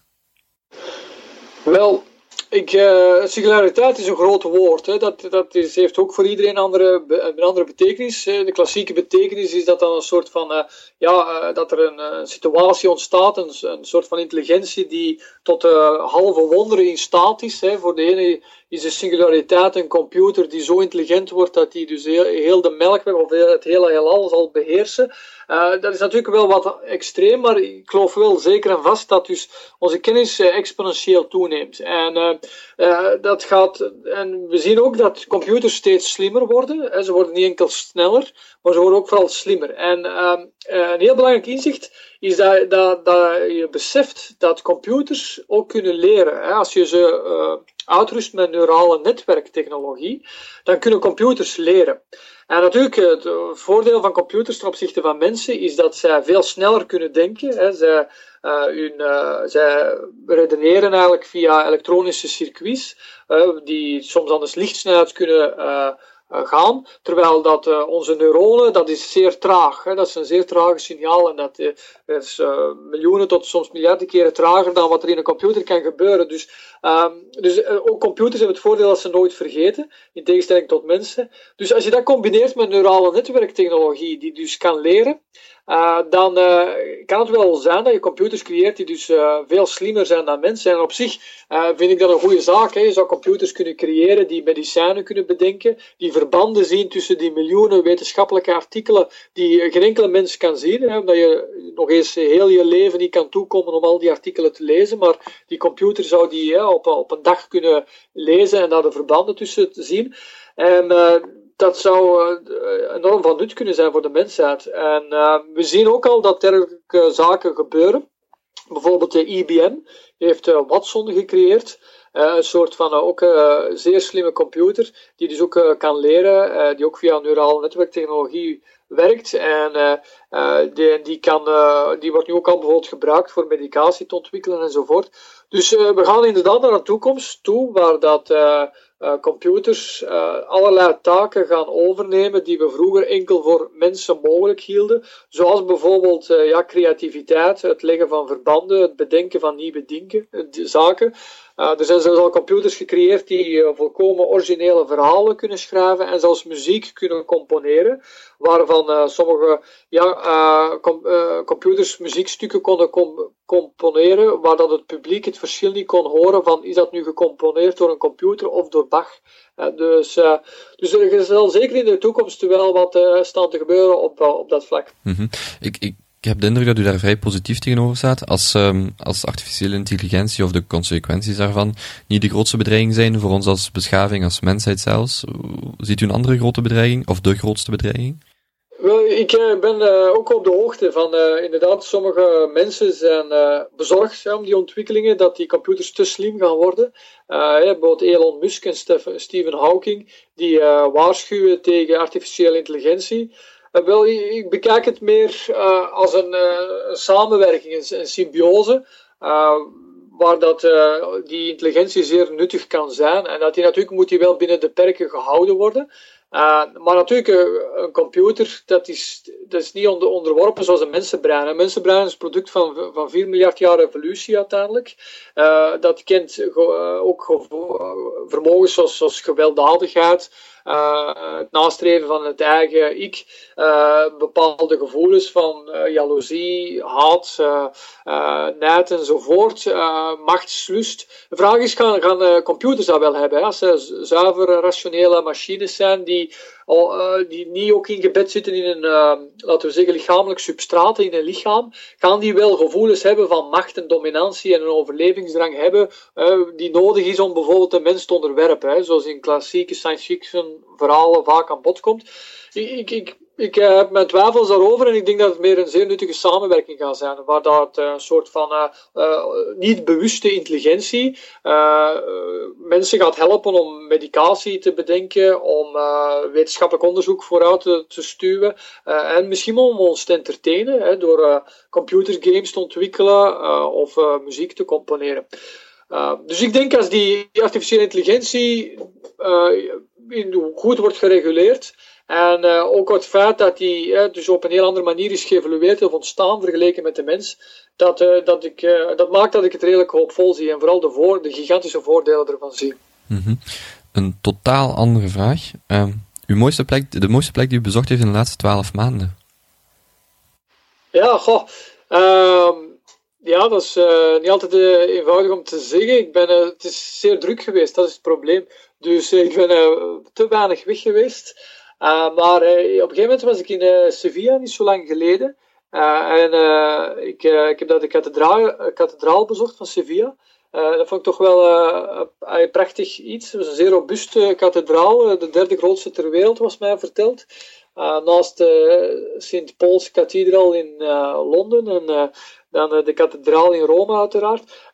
maar um, dus dat vond ik wel uh, zeer mooi, ook al die kunst dat er tentoongesteld staat. Maar ja, uh, natuurlijk ook een mooie zonsondergang aan zee of, of iets dergelijks kan, kan ook zeker de moeite zijn. Mm -hmm. U haalt het kunst aan. Wat is uw favoriete kunstvorm?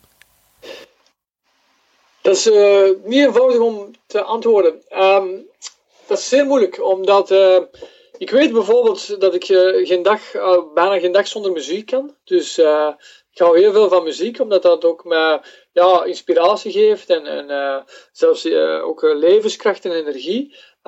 maar anderzijds ook het geschreven woord. Hè, dus een goed boek kan ook kan meesterlijk zijn, een goede roman. zelfs ook een gedicht. Ik heb vroeger ook nog gedichten geschreven, dus een, een heel goed gedicht dat echt de, de gevoelssnaren perfect bespeelt. Dus het is heel moeilijk te zeggen. Ehm, soms ook een film hè, met prachtige muziek en beelden. Dus uh, film kan ook, ook uh, een kunstvorm zijn. Dus uh, het, is, het, is zeer, het zou heel zwaar zijn om, om te moeten kiezen. Mm -hmm. um, als, als, ik mij voorstel dat u in uw, in uw huis een heel deel boeken, een heel deel referenties, een heel deel kunstvormen heeft, um, en u komt s'avonds thuis, uw huis staat in brand, wat is het eerste artikel dat u probeert te redden? Ja, we zitten natuurlijk in een tijdperk waar dat uh, heel veel gedigitaliseerd is. Hè. Dus ik kan mijn cd's van... Dat, dat, maakt de vraag Die kan ik de volgende dag downloaden. Uh, dus uh, mijn boeken, ja, die, die kan ik ook downloaden of uit de bibliotheek halen terug. enzovoort. Dus, dus in dat opzicht, ehm, ja, denk ik dat ik dankzij de alomtegenwoordigheid van, van kunst daar minder... ja, er is wel een bepaalde tekening die mij heel dierbaar is. Uh, die zou ik wel zeker uh, uit het huis proberen te redden, bijvoorbeeld. Maar dat is meer om, omwille van de persoonlijke sentimenten die daaraan hangen. Dus vandaar. Maar, ehm, de tekening dan? De tekening bijvoorbeeld. Ja. Um, Chris, heeft u nog een favoriet historisch figuur? En uh, het moet echt historisch zijn, mag niet wetenschappelijk zijn. Want uh, als ik moet kiezen, dan zou het Charles Darwin zijn, omdat hij in onze kijk op, op de, de mensheid en, en, de wereld heeft veranderd. Of moet het echt een, uh, per se, mag het, mag het een wetenschapper zijn, of moet het echt iets zijn vanuit de geschiedenisles? Um, u mag die vraag zo beantwoorden als u wilt. Historisch, voor mij impliceert dat ze dood zijn, maar als er mensen zijn ja. van u zegt, ik kan ook vragen, was uw idool? komt eigenlijk ah, ja. op hetzelfde neer. Zo, dan, uh, dan zou ik uh, Charles Darwin antwoorden. Uh, omdat ja, die man heeft heel onze kijk hè, op, op het leven veranderd en ook op de wereld. Darwin heeft de evolutietheorie bedacht. En dankzij die evolutietheorie weten we hoe dat het mogelijk is dat uh, leven kan ontstaan zelfs. Hè, want dat is ook een soort van evolutie tussen levensloze elementen die uitgeselecteerd worden. Dus hoe dat leven ontstond en hoe dat, dat leven die miljoenen diersoorten heeft kunnen vormen, die we vandaag de dag in al hun diversiteit uh, kunnen aanschouwen. Dus dankzij die revolutie, evolutietheorie, die eigenlijk revolutionair was, weten we, kunnen we verklaren waarom dat we ja, zoveel diverse diersoorten en levensvormen om ons heen kunnen zien. Uh, en dat stemt ons ook vooral heel nederig. Hè. Het maakt duidelijk dat de mens niet zomaar het toppunt is van de schepping, maar dat wij een onderdeel zijn van, van de schepping. En dat uh, het eh, DNA in ons lichaam, hè, in onze cellen en de eiwitten in onze cellen, die vinden we vaak ook al terug in bacteriën. Hè, die ook met hetzelfde DNA en op, met vaak zelfs nog dezelfde eiwitten ook functioneren. Dus het toont aan in feite uh, dat al het leven ver, verwant is, verbonden. En dat wij maar een klein twijgje zijn aan de boom van het leven. Hè, en niet de toppunt zijn van een soort van ladder. Hè, waar dat wij aan de bovenkant staan en de slijmerige bacteriën beneden. Nee, we zitten ingebed in dat leven. En ik vind dat toch een, een heel krachtig en machtig inzicht dat tot nederigheid stemt. En ook duidelijk maakt die verwantheid met het leven ook ons meer, laten we zeggen, empathischer kan maken ten opzichte van andere levensvormen. Want mijn hersenen, die verschillen niet zoveel bijvoorbeeld van die van een aap of van een, van een varken, dat ook emoties en gevoelens kent. omdat dat ja, volgens dezelfde principes is gecreëerd, dat, dat varkensbrein of dat mensenbrein, en dat dat zelfs heel veel overeenstemming heeft. Dus, dus ik zou Charles Darwin kiezen omwille van uh, ja, hoe dat hij de, de kijk op alles heeft uh, veranderd. Dus als, iemand, dus als iemand bezig is om zijn verouderingsproces te vertragen, meer tijd voor zichzelf koopt, zou hij toch zeker een boek over Darwin of van Darwin moeten lezen? Zeker en vast uh, over Darwin en, en zijn opvolgers natuurlijk. Mm -hmm. Dus zeker en vast. Zoals Steven Pinker, die bijvoorbeeld uh, de Darwinistische inzichten meer integreert in de psychologie. En dus in zijn schitterende boeken, die kan iedereen aanraden, zoals het onbeschreven blad, die daarin verklaart ja, hoe, wat, hoe dat ons brein werkt in feite. Hè, en waar dat onze emoties vandaan komen, hoe dat die ontstaan zijn. En ja, wat, welk gedeelte nu nature is of nurture, hè, dus uh, van ons karakter en onze intelligentie, hoeveel procent daarvan is uh, aangeboren, hoeveel procent is cultuur of, of opvoeding.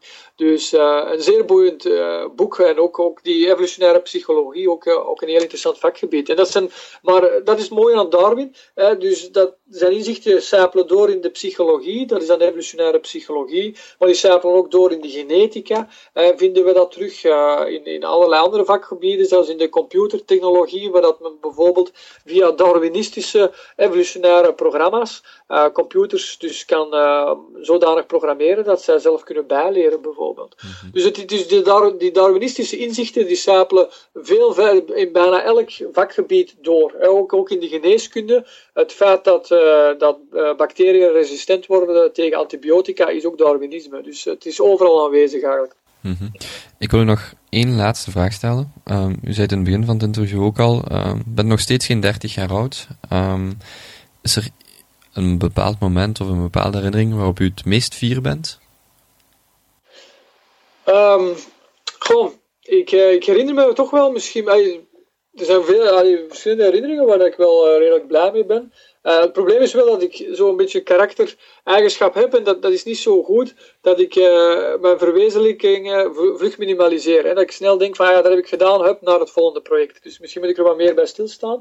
Maar ik weet bijvoorbeeld toen ik mijn eerste boek in mijn handen hield, ik was toen 17 jaar oud, en uh, ik had toen een boek geschreven over, uh, over het heelal en over uh, ja, het ontstaan van het universum. schitterend noemde dat. En het ontstaan van het zonnestelsel en het leven eigenlijk ja, op, op planeten. En ik heb allemaal prachtig te integreren in één boek. En ik weet nog, toen dat, kreeg ik dat boek overhandigd van mijn uitgever uh, op de boekenbeurs. Uh, en uh, voor de eerste keer had ik dat in mijn handen.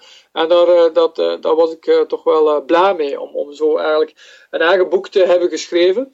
ook omdat ik al zelf heel veel boeken las. En was ik heel blij dat ik toch op die manier ook zelf een, een, boek had geschreven. Zijn die boeken nog beschikbaar? dat weet ik zelf niet. Ik weet mijn eerste twee boeken uh, schitterend over het universum en fantastisch dat meer het vervolg daarop is. En dat gaat over ja, moraliteit en, en religie en, en het leven zelf. en hoe dat allemaal is ontstaan. die, ik weet niet of die nog beschikbaar zijn. ik denk fantastisch nog wel. schitterend kan ik minder zeggen. Ja. Misschien nog één aller, aller, allerlaatste vraag. U heeft er vier geschreven, als ik mij niet vergis. Bent u ondertussen aan een nieuw boek aan het werken? Uh, wel, er zit zeker nog sowieso stof in mijn hoofd voor een nieuw boek te schrijven. Het probleem is de tijd te vinden. maar ik denk dat ik zeker nog een boek over gezondheid en, en, preventie en dergelijke wil schrijven. Dus, maar het probleem is, dus het vinden van tijd. Dus dat is eigenlijk ook vaak het, het, kostbaarste goed in, in het universum. Uh, dat is tijd hè, dat, uh, dat we uiteindelijk niet kunnen bijmaken. Hè. Zo, uh, door gezond te leven kunnen we dat wel een beetje verder uitbreiden, hopelijk. En misschien via nieuwe technologieën kunnen we de levensduur aanzienlijk verlengen. Maar tot zover is allemaal nog toekomstmuziek. Dus, maar ik probeer tijd te vinden, of ik zal het toch sowieso doen in de toekomst om, om aan dat nieuwe boek te werken. Wel, ik, ik bedank u alvast enorm om zoveel tijd te vinden vandaag om, uh, om met mij uw gedachten en ideeën te delen. En dikke merci daarvoor. Ja, met plezier gedaan. Oké, okay, voilà. Okay. In orde. Dus nee, dat is goed. En ja, dus ik vind het heel goed hè, dat je dat allemaal zo wat samenbundelt. Hè, van mensen die kunnen dienen als inspiratie of die kennis willen delen. Um, dus dat is een heel goed initiatief. Ik denk dat we dat meer nodig hebben. Ja, en het leuke is ook... Allerlei zaken integreren. Ja, ja en, en, wat ik daar nog aan wil zeggen, ik, ik, ik vind het leuke persoonlijk ook. Hè. U, heeft bepaalde standpunten, bijvoorbeeld over vlees en zo, waar, waar ik dan misschien niet helemaal akkoord ga. Maar ik vind het wel belangrijk dat iemand op een, een luisteraar of wie dan ook, zoals ik dat zelf ook heb mogen, ervaring, mogen ervaren, tenminste informatie uit verschillende zichtpunten bekijkt krijgt en dan bekijkt, die tenminste onderbouwd zijn. En dan kan iedereen zelf nog, gelijk, u zegt over mediteren, um, iedereen mag voor zichzelf beslissen op welke frequentie dat ze dat doen of hoe lang. Maar het is dat er uit verschillende hoeken een objectieve mening komt, of tenminste een mening die onderbouwd is. En als ik dat kan bereiken met interviews, en ik denk dat ik dat vandaag zeker heb kunnen doen, dan, well, dan, is het grootste doel geslaagd. Ja, ik denk dat is eigenlijk ook uh, waar de wetenschap op gesteund is. Hè? Dat je open staat voor andere meningen, dat je daar naar luistert. Uh, en dat je die niet direct afwimpelt, hè, wat, uh, wat soms in voedingsdebatten spijtig genoeg gebeurt. Uh, en maar dat je gewoon altijd blijft openstaan voor nieuwe inzichten. En uh, als er mij, morgen iemand mij kan aantonen dat rood vlees toch gezond is, dan is dat voor mij prima. Hè? Dus uh, yeah. Dus uh, vandaar. Uh, dus ik sta altijd open. En ook als, als mensen bijvoorbeeld zeggen van die vo uh, de voedselzandloper, die is daar verkeerd, dan ga ik die direct aanpassen. Hè. Als, als men met overtuigende argumenten uh, kan aankomen. Dus, mm. dus dat is het belangrijke, dat je altijd open staat voor nieuwe inzichten. Dus vandaar. Maar, ehm, maar ik denk dat dat goed is, ook zo allerlei zaken te integreren ook, van, van mensen met verschillende achtergronden. En ik denk, je zegt dat je qua rood vlees, je daar niet volledig eens mee bent, of... Uh... Goh, ik... Um, kijk, ik ben natuurlijk geen, uh, geen, geen bioloog of geen onderzoeker, maar in de... Um, en dat is altijd zo wat de, disclaimer. Maar in het, hetgeen wat ik gelezen heb, en dan ga ik heel veel, Peter Attia bijvoorbeeld, Gary Tops, uh, zijn allemaal mensen die ik enorm interessant vind. Ik ga ook meer naar de, naar toch de richting van de very low carb, zelfs de zero carb, uh, zo is mee geflirt, ik zal het zo zeggen. Um, om, om die, die effecten te meten van, uh, van het niveau van ketonen in bloed en van dat dergelijke. En het is zoals u wel zegt, op korte termijn inderdaad zijn er bepaalde, bepaalde effecten die ik direct merk. Ik ben 23 20 kilo verloren op, uh, op, op, op 103, dus dat was niet, dat was niet niks, um, over een bepaalde periode. Maar inderdaad, als, ik, ik eet nu bijvoorbeeld heel veel vlees en ik ben daar op een bepaalde manier van overtuigd dat als het gras gevoerd is, hetzelfde voor vis, want daar hebben we helaas, ik wou daar nog dieper op ingaan, gekweekte vis versus vrije vis. Um, denk ik dat, dat een, een, een, dieet gebaseerd op, op vette vis, op gezonde vetten, op grasgevoederd vlees, op eieren, wat dan ook, dus echt veel dierlijke proteïne, voor mij persoonlijk een, een fix is die ik op dit moment zeker doorvoer, maar inderdaad op lange termijn sta ik daar misschien nog niet genoeg bij stil. Wat zijn daar de consequenties van? Want, gelijk u net zei, um, al die groeihormonen, Um, uh, IGF-1 hebben, hebben het volledig niet over gehad. Dat zijn allemaal van die dingen. Hoe speelt dat mee in de vorming van allerlei metabolische ziektes en zo? Vooral op de lange termijn. Maar dat zijn, ja, ik zeg het, ik ben daar, ik ben daar sinds anderhalf jaar enorm in geïnteresseerd. Maar dat is een, dat is een enorme uh, zoektocht. Ik wou je ook bijvoorbeeld vragen, is dan een voedselzandloper de beste, de beste grafische voorstelling? Omdat ik denk dat er zeker nog, nog stappen moeten gezet worden in heel het onderzoek dat er is. Maar dat zijn zo wat van die puntjes waarvan ik het dan super interessant vind om, om u als, als Belgische referentie te horen. En dan eens te kijken van oké, wat, wat zijn daar de raakvlakken, wat zijn daar de verschillende meningen en hoe, en, en hoe vind ik mijn standpunt erin? Want het, het is, zelfs al heeft iemand een mening die hij niet wilt veranderen, misschien door, uh, door een nieuw inzicht te horen, gaat hij toch die mening herevalueren. Blijft hij die behouden? Goed, dan is hij daar meer van overtuigd. Verandert hij die? Ja, ook goed, dan, dan, dan heeft hij nieuw inzicht gekregen. En dat is, ja, dat is waar ik op dit moment nog zo wat sta tussen die enorme vleesconsumptie, wel van deftig niveau, uh, van deftige kwaliteit, versus, um, toch 40% koolhydraten bijvoorbeeld, waar ik soms 10, 20% maar neem in plaats van 30, 40%. Dat is... Ja, ik denk natuurlijk, dat is ook de kracht van de voedselzandloper. Je kan er zelf zo ver in gaan als je wilt. En uh, je kan uh, 40% koolhydraten, maar je kan dat ook beperken tot uh, 30 tot 20%. Hè. Als men echt totaal geen brood, aardappelen, pasta en rijst eet, wat ik ook aanbeveel, om dat aanzienlijk te minderen. En uiteraard geen snelle koolhydraten. Dan kan men dan nog verder in gaan. Maar het is natuurlijk zo, ja, uh, uiteraard, hè, als je veel vlees dan eet in plaats van koolhydraten, ga je spectaculair gewicht verliezen. En dan ga je veel beter voelen, onder andere door dat gewichtsverlies. En je insulinegevoeligheid gaat beteren, je triglyceriden gaan verbeteren, je HDL, LDL, cholesterol enzovoort. als je een hoogvleesdieet eet. Maar op lange termijn, en zelfs op, op termijnen van een jaar, hè, dat hoeft daarom nog niet tientallen jaren te zijn, zien we dat dat toch niet zo gezond is. Omdat. Uh, ja, er zijn verschillende redenen. Hè. We zien dat die, die zaken, zoals dierlijke proteïne, activeren mTOR. En mTOR is eigenlijk de of een van de verouderingsschakelaars in, in de cellen. Die, die wordt opgezet door aminozuren. Uh, en uh, we zien ook in proefdieren, of dat dan nu wormpjes of gistcellen zijn, of ratten of muizen, geef je die aminozuren, vooral dierlijke, hè, vooral branched chain aminoacids dan nog, -hmm. of uh, methionine, dus aminozuren die zich vooral in, in vlees bevinden, verouderen die veel sneller. Dus als dat geldt voor uh, allerlei diverse diersoorten, hè, zo divers van als een gistcel tot een muis, ja, dan lijkt dat ook te gelden voor mensen. En dat zien we ook. Er is een recente studie geweest. Het probleem is ook qua proteïneinname, er zijn de laatste 25 jaar heel weinig studies gebeurd naar inname van eiwitten uh, bij mensen.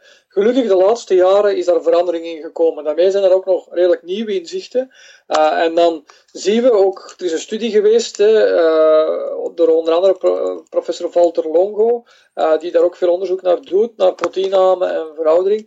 die heeft een studie gedaan met 6000 man de, van de N-Haynes 3-studie die dus 18 jaar werden gevolgd. Dus echt een lange termijn studie. Niet een jaar nog proteïnedieet, maar dus 18 jaar mensen gevolgd. En dan zag men dat als mensen veel dierlijke prote proteïne innamen, hadden zij dus vier keer meer kans op diabetes. Mm -hmm. uh, vijf, en was daar dus de samenstelling dan ook echt hoog in proteïne? Want dat is natuurlijk weer iets ja, anders. Ja, dat was eigenlijk meer dan 20% dierlijke proteïne versus uh, minder dan 10% mm -hmm. van de totale calorieën. Uh, en dan zag je al een gigantisch verschil. Er is ook een verschil tussen 15 en 10 procent. Dus, uh, en oh, dergelijke studies tonen dat aan. Plus ook het feit dat vegetariërs gemiddeld langer leven, ook er veel langer beter uitzien. Ook als arts zie ik dat heel duidelijk. Ik, je kan als arts heel duidelijk zien van. Soms, sommige mensen hebben echt een vleesgezicht, omdat die hebben zo'n verzakt gezicht, meer nasolabiale plooien. Uh, dan zie je dat dat echt vleeseters zijn, omdat je meer uh, collageenproductie hebt, overproductie van, van allerlei eiwitten, ook als je dat veel eet in je gezicht, zodat dat meer verzakt. Vaak, uh, daar hoort paleofanaten, die worden vaak ook al kaal als die 30 zijn, hè, dus dat frappant, maar dan zie, dat is ook door dat overstimulatie van dus die, die verouderingspathways, die, die ook zorgen voor groei en, en dat kan ook kaalheid bevorderen. ook door dan een hoge testosteron en andere productie van groeihormonen. Dat als je dat te veel hebt, dat dat kan gebeuren. plus dan ook het feit dat in die blauwe zones, dat, dat daar geen enkel blauwe zone is waar dan mensen veel dierlijke proteïne eten, dat daar tussen zit. en nog veel andere redenen. Ja, is, alleen zeggen wel, dat te veel dierlijke proteïne niet gezond is op lange termijn. Mm Ja, en dat is ook iets, dat is, en dat zijn weer van die onderwerpen die we, die, daar kunt je uren over babbelen. Um, heel veel, denk ik persoonlijk, moet een mens testen. Ik had ook nog een vraag bijvoorbeeld over koffie, ook weer zo'n onderwerp waar, je, waar iedereen wel een mening over heeft. Ik denk dat dat heel belangrijk is om, om bepaalde dingen gewoon te testen. Maar wat u wel aanhaalt, en daar heb ik bijvoorbeeld persoonlijk meer een probleem bij programma's zoals Weight Watchers. Um, mensen vallen daarmee af. Mensen gezonder is veel gezegd, maar we zullen erop houden dat ze ermee afvallen. Maar de vraag is daar natuurlijk, net zoals u aanhaalt, wij leven in een, in een maatschappij waar enorm veel, uh, waar wij een hoog koolhydraatdieet volgen. De vraag is, valt een mens af bij Weight Watchers, omdat ze uh, misschien iets gezonder eten? Um, of vallen ze af omdat ze een bepaalde macronutriëntengroep enorm gaan beperken? En ik denk dan persoonlijk, als jij van, als eender welke persoon van 60% koolhydraten naar Weight Watchers, waar je en je calorieën beperkt en je koolhydraten ook, ze zit ook niet aan 60%, dan denk ik van ja, de vraag die, die ik dan heb is inderdaad, um, welke manier van aanpak heeft, um, dekt 90% van de lading. En die andere 10% is dan puur testen. En het is inderdaad zo, ik denk als de meeste mensen alles uh, bepaalde dingen enorm zouden minderen, zoals frisdranken, roken behoort daar ook toe, maar oké, dat is niet voedingstechnisch. Frisdranken enorm overdaden aan wit brood, snelle suikers, um, bloem dat, dat daar al 80 of 90 procent gedekt wordt. En dan die andere 10 procent is inderdaad, zoals u zegt, dat, dat ik bijvoorbeeld zeg, oké, okay, ik eet heel veel dierlijke proteïne. Dat u zegt, oké, okay, er zijn studies die, um, die dat in vraag stellen. Ja, dat zo, dat zo dan nog wel op de lange termijn inderdaad aftesten en kijken wat werkt wel voor mij, wat werkt niet voor mij. Want het is, het is inderdaad een, een, een moeilijk en een, een, het, is een, het is een collectief onderwerp en het is heel moeilijk om individueel, uh, zelfs uit die kwalitatieve studies, uh, dan, dan concrete resultaten en, en, en uh, richtlijnen te trekken, denk ik. Ja, ja maar ik denk natuurlijk, uh, heel veel studies wijzen in dezelfde richting. Zeker de recente studies, dat te veel dierlijke proteïne, dat dat uh, risico verhoogt op hart- en vaatziektes, kanker en diabetes. Dat is ook logisch. Uh, kanker moet groeien en heeft daar aminozuren voor nodig. en ik bedoel natuurlijk, heel veel studies wijzen erin dat toch te veel dierlijke proteïne niet zo gezond zijn.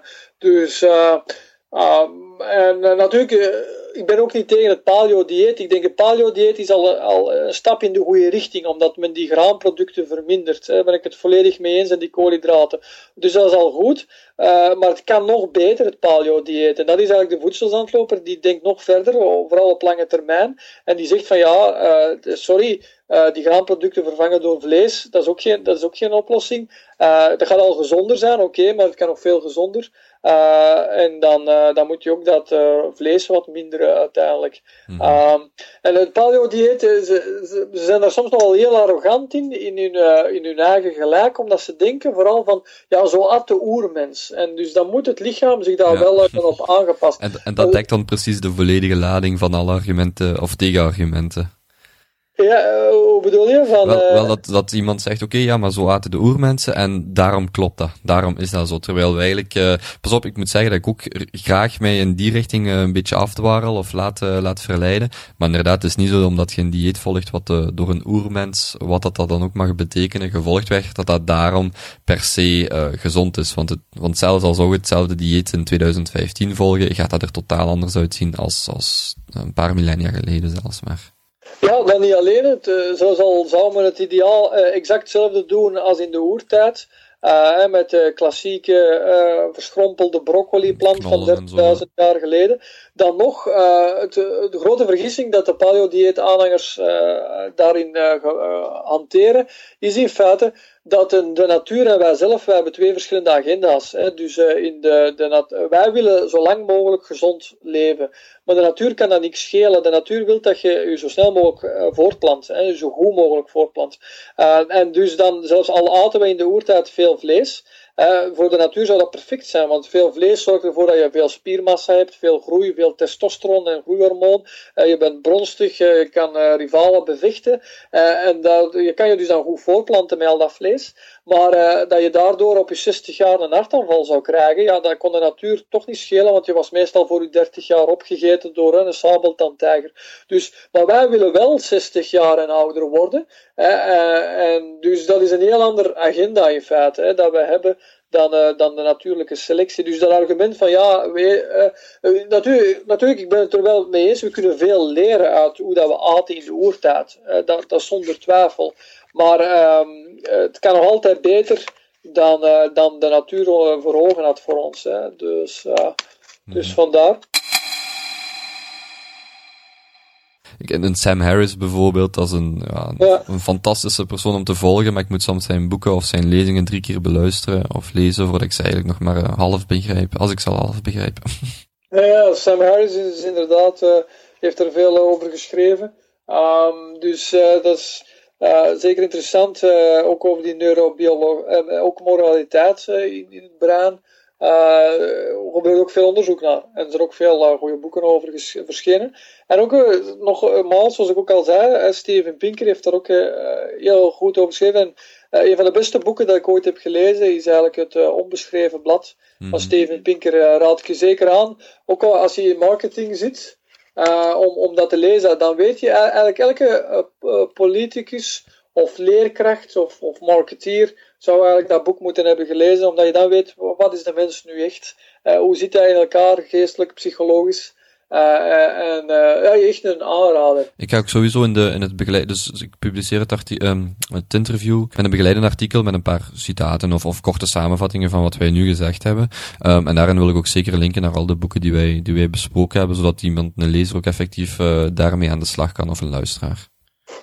Ah ja, voilà. Want wat ook uh, misschien een uh, interessant boek is, omdat je uh, voor, als marketing studeert, is, ik denk dat dat boek noemt Darwin in de supermarkt. Mm -hmm. dus dat valt ook zeker aan te raden, hè, over bepaalde Darwinistische principes die onze hersenen kneden, onze drang naar status en dat we daar allerlei spullen voor kopen die veel te veel geld kosten voor wat ze eigenlijk waard zijn, maar uh, een manier zijn om onze status te etaleren en uh, dan eigenlijk onrechtstreekse manier zijn om onze intelligentie of creativiteit te etaleren, dat dan weer al onrechtstreekse manier is om, uh, om indruk te maken op een partner. Hè. Dus dat gebeurt allemaal vaak onbewust. maar daar over zulke zaken gaat dat boek. Ja, super. Ik heb, Zeker een aanrader. Weet u de, de auteur van buiten? Uh, dat is, ik denk dezelfde uh, auteur is van uh, De Parende Geest, Geoffrey Miller, denk ik. Ik zou eens, als ik, ik ga eens even kijken hier op het internet. ik zie het Darwin in de supermarkt. Um, ah, dat is van, ja, dat, ik zie dat dat boek is van Mark Nelissen, maar dan zal het waarschijnlijk, ik heb het over Geoffrey Miller. Uh, uh, ik ga eens even kijken. Hè. Uh, hij is ook zeker aan te raden. Hè. Hij is een psycholoog. Uh, Mark Nielissen. Uh, wel, Mark Nielissen is een Belgische man, maar ik heb het over Geoffrey Miller. Mm -hmm. En die heeft ook een boek geschreven. ah ja, ja, dat is eigenlijk, dus daar in de supermarkt. raad ik ook wel aan, maar het, ik denk dat nog beter is, is dat boek van Geoffrey Miller. Uh, spent. Dus dat is ook iets zoals Darwin in de supermarkt. Spent met een D of een T van achter? Met een, T. T. Dus uh, Spent uh, van Geoffrey Miller met twee L'en. Ja, Miller. M-I-L-L-E-R. Ja, dus Spent, dubbelpunt, Sex, Evolution and Consumer Behavior. Dus, en ik zie trouwens dat hij precies een nieuw boek heeft geschreven, dus uh, ik zie hier een mate, Become the Man, Woman, Want. dus dat is verschenen in 2015, zie ik. Maar zijn twee vorige boeken zijn zeker aan te raden. Dus uh, zijn laatste boek heb ik nog niet gelezen. Maar uh, Geoffrey Miller is uh, ook een zeer interessante psycholoog om te volgen. Hij doet mij, doet mij misschien wat denken aan The Selfish Gene van Richard. Oh, ik ben zijn naam kwijt, maar ook... Ja, zijn, Dawkins, ja. Ja, het zijn ook weer zo boeken die zo meer ingaan op het, uh, hoe heet dat, het, niet het biologische, maar het, de, de, de, de drift of de, de, de, wat is het juiste woord? Onze absolute basis waarnaar wij vaak terugkeren, zelfs in de, in de wijsheid die we denken dat we hebben vandaag de dag, in vergelijking met vroegere beschavingen, dat we toch eigenlijk hardwired zijn voor bepaalde dingen. Zo. Ja, ja, dat klopt. En natuurlijk ook niet enkel. Uh, de, sommige mensen denken vaak aan, aan, Darwin en evolutie, aan driften en, en, agressie. Maar het is ook onze edele vermogens. En dat is ook het knappe van het vorige boek van Geoffrey Miller, uh, The Mating Mind. Dat ik ook zeker aanraad. Mm -hmm. omdat dat eigenlijk ja, uitlegt waar dat onze, laten we zeggen, prachtige vermogens vandaan komen. Zoals creativiteit, humor, kunstzinnigheid. Dus hoe dat, dat is ontstaan, want dat is tenslotte ook het product van evolutie. Hè. Ons brein is het product van evolutie, dus ook alles wat daaruit ons spraat is rechtstreeks of onrechtstreeks het gevolg van uh, honderden miljoen jaar evolutie. En zowel natuurlijke selectie als seksuele selectie. en de Mating Mind vertelt heel mooi waar dat die, laten we zeggen, aristocratische vermogens hè, van, van vandaan komen van het brein. Dus, uh, dus het gaat niet enkel over primitieve seksuele driften en instincten, maar ook uh, over, uh, laten we zeggen, de muzes hè, die ons creativiteit influisteren en, en, nog veel meer.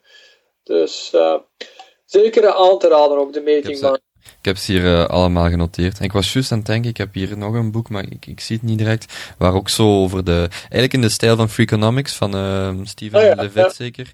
het was niet een van hun boeken, maar ook zo in die stijl, waar, uh, oh, ik ben de titel kwijt, heel leuk werd geschreven hoe dat het bijvoorbeeld kan dat een, of hoe dat het voorkomt dat een, een vrouw van haar partner niet zwanger raakt, een keer vreemd gaat en ineens wel zwanger is. Hoe dat er bepaalde, toch bepaalde triggers zijn die, die zich binnen hun lichaam afspelen, waar je zelf vaak geen, uh, geen of weinig invloed op hebt, um, hoe dat, dat dan toch tot stand komt. Bepaalde uh, gewoontes of gedragingen die we niet direct kunnen um, voorspellen of, of zelfs uh, verklaren, die dan toch gewoon gebeuren. En, en hoe dat het bijvoorbeeld komt, dat ik denk dat ze een statistiek gebruiken dat 10 of zelfs meer procent van de kinderen niet door een biologische vader wordt opgevoed in de wereld. Zo, dat soort dingen, super interessant ook. Ja, dat klopt inderdaad. dat, ja, dat helpt om, uh, om een bredere kaak te krijgen hè, op, op de mens uh, en ook uh, op de wereld. Dus daarmee zijn heel veel goede boeken geschreven. En, dus ja, dat is het probleem. Hè. Je moet de tijd hebben om ze allemaal te lezen. of toch zoveel mogelijk ervan. maar, maar op de duur ken je wel zo wat de namen. Hè. Geoffrey Miller, Steven Pinker, Richard Dawkins, Ramachandran die ook heel leuke boeken over neurobiologie heeft geschreven. Dus dan, uh, dan leer je ze wel wat kennen en, en opvolgen. Maar, uh, dus daarmee, dus, uh, maar het is goed dat je daar ook in geïnteresseerd bent. En het is toch belangrijk om, om een ruime blik te hebben hè, op, op, op zaken. Of, of dat het nu marketing is, of geneeskunde, of psychologie. We moeten het vanuit een breder perspectief altijd proberen te benaderen. En via zo'n boeken is dat mogelijk. Ja, en ik denk, ik denk, we hebben het er al over gehad, dat, uh, dat zo via het formaat waarom ik dit dan probeer te doen door met experts te babbelen, dat ik daar zeker in de eerste plaats zelf van bijleer. Um, maar ook de hoop om, uh, om gewoon andere mensen die misschien daar nooit hadden bij stilgestaan om eens een boek te lezen, of toch zo diep in te gaan op boeken, um, of die alleen maar, ik zeg maar, uh, science fiction lezen, dat er misschien ook niet science fiction boeken zijn die echt wel de moeite zijn om je, om je kijk een beetje te verbreden. Ja, inderdaad, dat is, dus, dat is belangrijk. Maar uh, voilà. Ik, uh, ik denk ja, dus ik, ik zie dan ook, want uh, ik moet stil aan zien, want we zijn al half tien daarmee. Um, maar ik stel voor dat we dan, ja, we houden verder contact, hè, sowieso, dan via de, de, het artikel dat je doorstuurt. Ja, ja. En, in orde, dus we gaan het dan, we volgen het uh, dan zo verder op. En ik wens jou ook nog veel succes, hè, natuurlijk, met de verdere opleiding. Uh, en de carrière en ook de blog. Dus uh, het is, dat is belangrijk dat je uh, open-minded bent en vooral nieuwsgierig. Hè? Maar ik denk dat je daar, dat je daar meer dan genoeg van, van hebt. Dus, dus voilà, dat is, dat is heel goed. Bij deze, wat ik ik, ga, ik moet stil aan gaan zien, vandaar. Ja, graag eens een dikke merci. Geniet van uw weekend en uh, hopelijk uh, tot eens in techt. En dan uh, trakteer ik u op een, een plat watertje dan. of een groene thee, dat, is, dat is ook goed. Of een voilà. groene thee, prima. Het beste nog, hè. Tot, tot dit, goeie weekend, hè. Hetzelfde. Ja. Dag. Dag.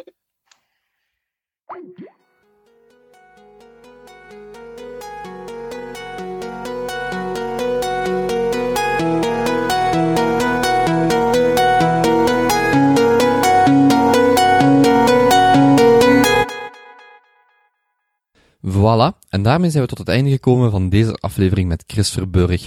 Voor meer informatie, artikels, links, inhoudelijke referenties naar dit gesprek, check kapiteinkobe.be slash Chris of kapiteinkobe.be slash chrisv. Dan kom je sowieso bij het bijhorende artikel uit. Voor meer informatie wil je op de hoogte blijven van, van nieuwe updates rond kapitein Kobe, um, de e-mails ontvangen wanneer een nieuw interview online staat, ga naar kapiteinkobe.be slash nieuwsbrief. Laat zeker reactie of een, of een commentaar op de artikels. En ja, heel veel plezier, nog een heel fijne dag en tot de volgende aflevering. Ciao!